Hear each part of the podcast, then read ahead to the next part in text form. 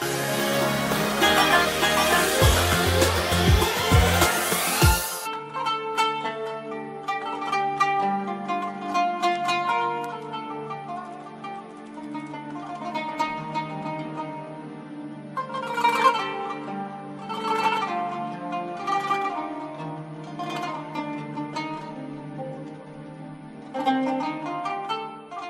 بسم الله الرحمن الرحيم الحمد لله والصلاة والسلام على سيدنا رسول الله وآله وصحبه ومن والاه.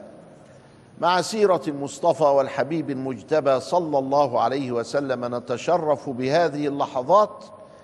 عسى أن نكون محلا لنظر الله سبحانه وتعالى.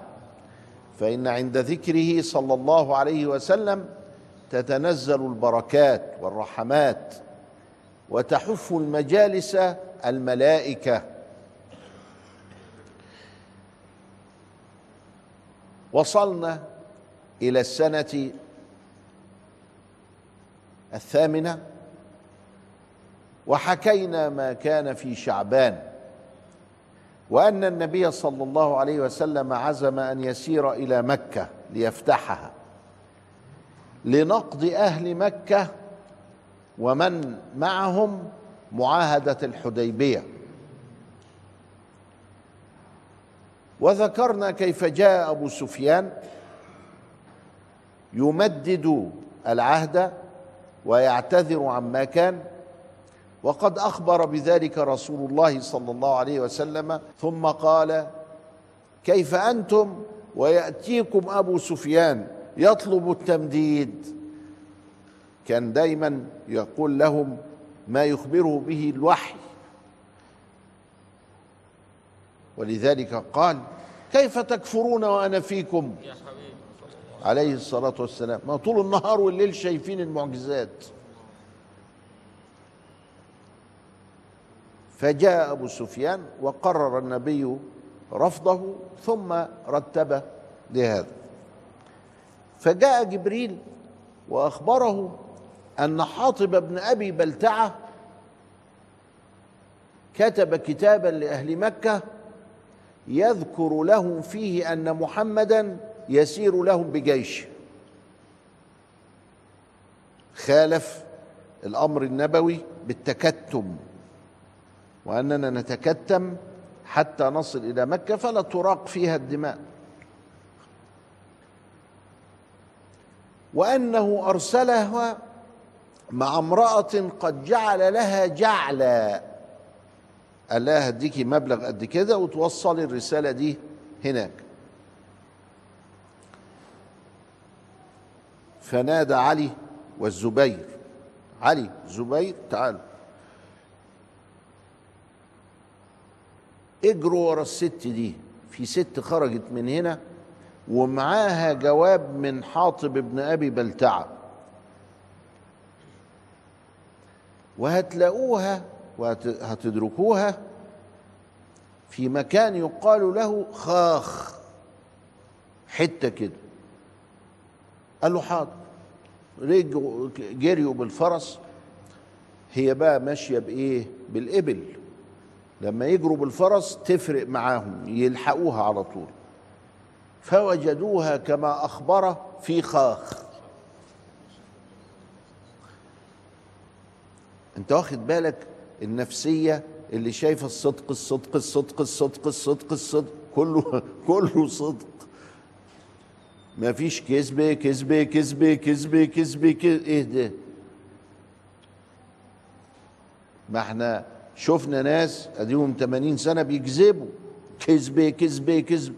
إيه ده؟ لا كانت صدق صدق. وبعدين عايزين دول يعملوا زي دول. لا والله. والله ما يمكنهم الله أبدا. الكذب ما بيتمكنلوش اللي بيتمكن له الصدق اللي بيتمكن له حضرة النبي صلى الله عليه وسلم. أما التلبيس والتدليس والتلويش ما ينفعناش. شافوها فخاخ. هات يا ست الجواب اللي معاك. قالت ما معيش جوابات. فتشوا المتاع بتاعها الشنطة بتاع البؤجة ما حاجة.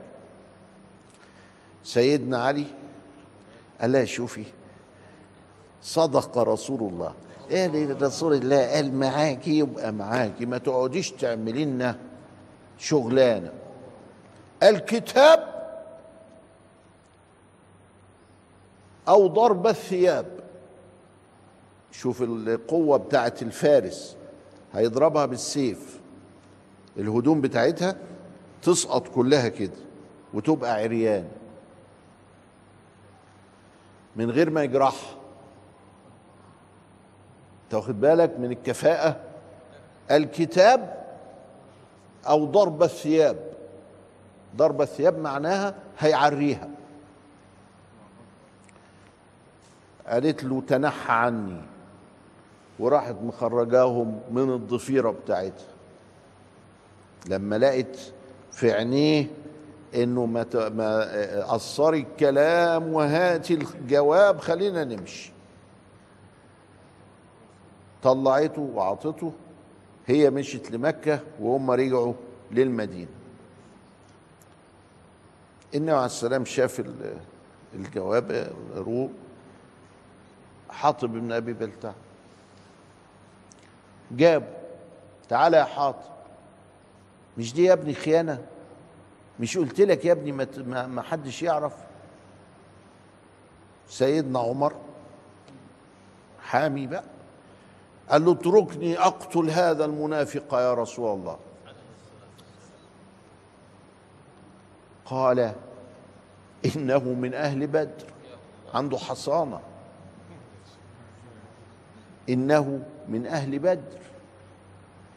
يعني فكرة الحصان وشوف بقى فكرة المثال الذي يجب الا يهدم لأن إحنا تعودنا نهدم الأمثلة نهدم الأمثلة. طب حاطب عمل حاجة صح؟ والله غلط. خيانة دي ولا مش خيانة؟ والله خيانة. غلط يعني ولا مش غلط؟ والله غلط. غلط. نهدمه بقى. نهدم ما فعله في بدر. ولا نتجاوز. أدي الفكر المحمدي وأدي الفكر المعفن. الفكر المحمدي ألا إنه من أهل بدر.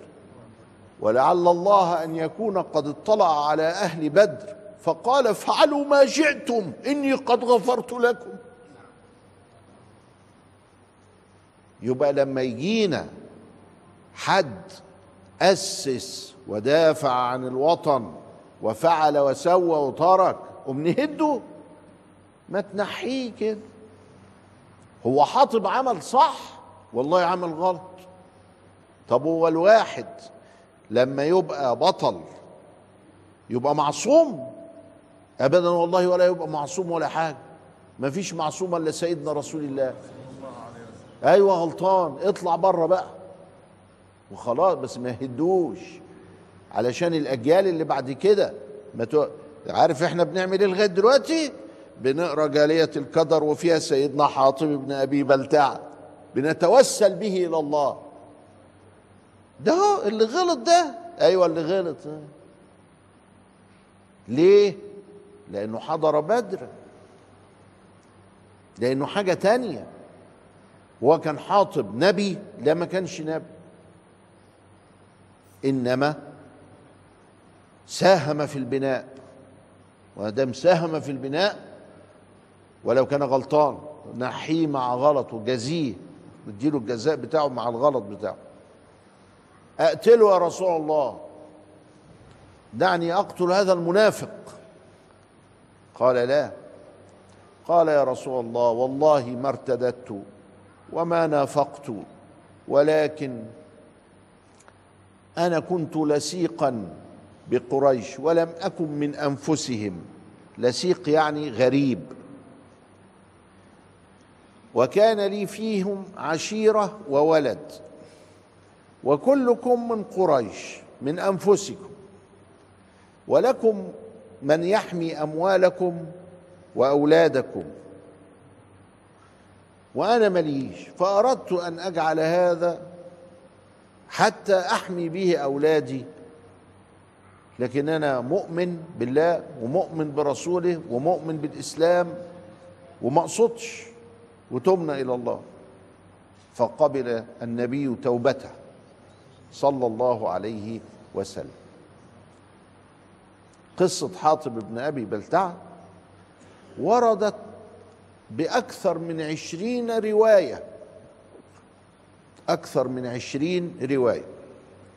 في بعضها زيادات على بعض.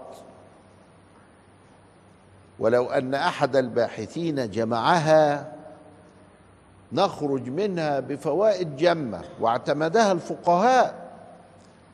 اعتمدوها في الكلام على أحكام الجاسوس. ما دي ده, ده تجسس وقت الحرب. يعني يستحق الإعدام. لكن كيف أن هذا الإعدام إعدام سياسي ولذلك هو بيد الحاكم وليس حدا من حدود الله الذي لا يمكن أن نتهاون فيه. وتفرق بقى بين الأحكام السياسية اللي مبنية على المصلحة التي يجوز للحاكم العفو عنها والأحكام الشرعية التي هي حق الله التي لا يجوز للحاكم أن يعفو عنها ونطلع بدراسات عجيبة غريبة تكلم عنها الفقهاء صحيح لكن تحتاج إلى من يجمعها. بعد الفاصل نواصل.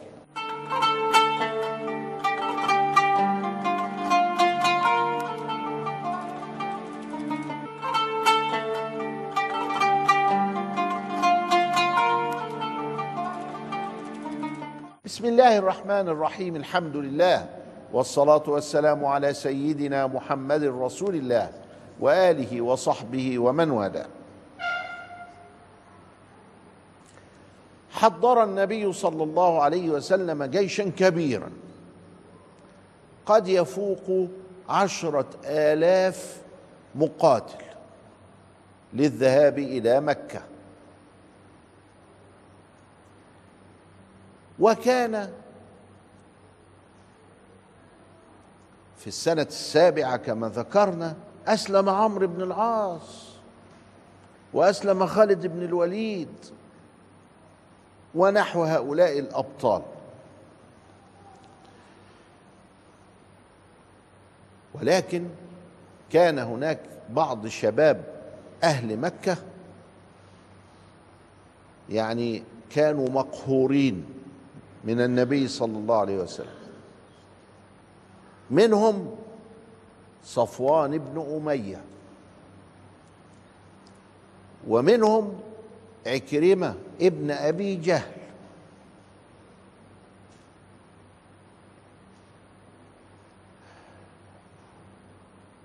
والحمد لله كلهم أسلموا بعد ذلك. كلهم أسلموا ودخلوا في الإسلام وحسن إسلامهم. ومنهم سهيل بن عمرو اللي هو بس ده كان كبير شوية مش يعني ما كانش شاب اللي هو بتاع الصحيفة بتاعة الحديبية. ذهب النبي صلى الله عليه وسلم وفجأة أهل مكة شعروا بأن النبي يحيط بهم. إيه ده؟ فرأوا في الجبل نار نار نار نار كتيرة كأنه الدنيا بقت نهار. فكان النبي يخلي كل خمسة يوقدوا نار كل خمسة ستة كده يوقدوا نار. فراحت مشعللة بقت نهار بالليل. كل ذلك حتى لا يري قدما وأمر القوات بتوعه. مين كانوا القوات؟ سعد بن عبادة وخالد بن الوليد وهكذا. خالد من أهل مكة عارفها حتة حتة وسعد بن عبادة من الأنصار أهل المدينة. في حتتين مدخلين لمكة ومخرج واحد فوق واحد تحت كده. كدا وكدا كدا وكدا ويقول لك إيه؟ افتح وادخل واخرج وضم. يعني لما تيجي تدخل البيت هتفتح الباب يبقى افتح كده افتح كده يبقى كده دي الإيه؟ المدخل الشمالي. افتح وادخل. فتحنا الكاف يبقى هندخل. يبقى إحنا كده جايين من الشمال من شمال مكة. افتح وادخل. ولما تنزل على اليمن هتطلع من مكة رد الباب وراك ضم وراك يعني. يبقى لما تخرج ضم يبقى كدة. يبقى مكة فيها إيه؟ كده وكدة. دي عقبة للدخول وده مخرج للخ- للخروج. ف خالد أظن دخل من كده من تحت وسعد دخل من فوق ولما أهل مكة عرفوا إنه ده جيش عرمرم بدأ أبو سفيان يتكلم مع العباس ومع علي لأنه لا إيه رقيق القلب ياخد ويدي معاه.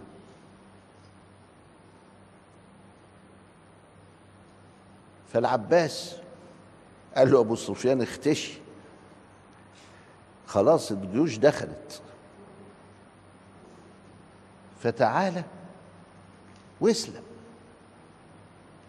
هتبقى يعني حميت نفسك وحميت أهلك ويعني ما خلاص أنتوا غلطتوا كل الغلط ده هو قال له طيب وديني لمحمد.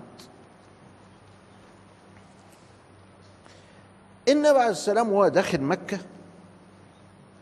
لقى مين بقى لقى أبو سفيان تاني واحد تاني اسمه أبو سفيان ابن الحارث ابن عبد المطلب. أبو سفيان ده غير أبو سفيان ابن حرب ده بني أمية لكن ده ابن عمه الحارث السفيان. أبو سفيان ابن الحارث ده هو ابن عم النبي. ده كان يشتم النبي بعمره. سبحان الله. ويقلب عليه وكذا إلى آخره. زعلان منه قوي فالنبي عليه السلام أبو سفيان جه ابن الحارث وقف قصاده كده. فسكت النبي.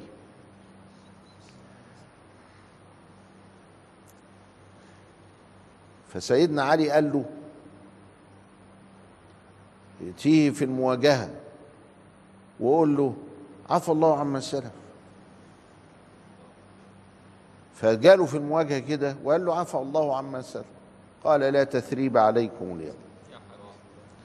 فشهد الشهادتين وحسن إسلامه ولم يرفع عينيه في عين رسول الله صلى الله عليه وسلم إلى أن انتقل رسول الله إلى الرفيق الأعلى.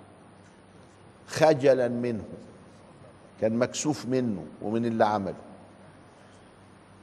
فدخل كده شوية فالعباس جايب مين بقى؟ أبو سفيان الثاني اللي هو أبو سفيان ابن حرب. دي كانت أبو سفيان ابن الحارث وده أبو سفيان ابن حرب. قال له أما أنا أن تؤمن بالله الواحد الأحد؟ قال له إذ لم أكن أؤمن بالله الواحد الأحد فقد خبت وخسرت.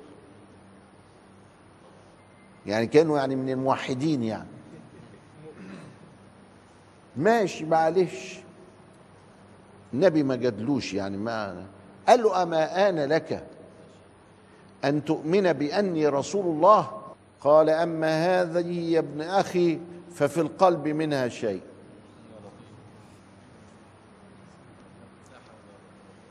فالعباس واقف وراه فنغزه قال له اخلص. فقال أشهد أن لا إله إلا الله وأن محمدا رسول الله. الروايات دي؟ هي روايات صحيحة. بيستغلها الشيعة في إنه ما أسلمش ولا حاجة ويقعدوا يسبوه ويسبوا ابنه معاوية وحاجة كده أهو. إحنا بنقول لا. دي الناس دي أسلمت وحسن إسلامها. وكان هذا من معجزات رسول الله صلى الله عليه وسلم. سيدنا الرسول أول ما نزل راح اغتسل في بيت أم هانئ. أم هانئ دي مين بقى؟ أم هانئ دي بنت عمه أخت علي. السيدة أم هانئ رضي الله تعالى عنه وأرضاها كانت تحب سيدنا النبي قوي. وسيدنا النبي كان يحبها. وطلبها من أبي طالب. لكنه آثر أن يزوجها شخصا مشركا كان بين قريش وبنو أو بني هاشم وبينهم نسب حتى لامه في ذلك النبي. قال طلبت أم هانئ فزوجتها لفلان ده. وكان الراجل ده زوج أم هانئ يحب النبي عليه الصلاة والسلام جدا. لما نزل النبي لقى عقيل باع كل الأملاك بتاعته. فبيقولوا له هتنزل فين بقى يعني؟ قال وهل أبقى لنا عقيل من رباع؟ ما باع كل حاجة. عقيل وهو في الهجرة النبي في الهجرة خلاص راح بايع كل أملاك النبي. عقيل بن أبي طالب برضه أخو علي. فاغتسل في بيت أم هانئ وصلى ثمان ركعات. العلماء بيقولوا دي ركعات الإيه؟ الفتح وليست الضحى. لأن النبي لم يثبت عنه أنه صلى الضحى. ثم ذهب إلى البيت الحرام. لما ذهب إلى البيت الحرام كان في 360 صنم. محطوطين متلزقين على البيت وفوق البيت.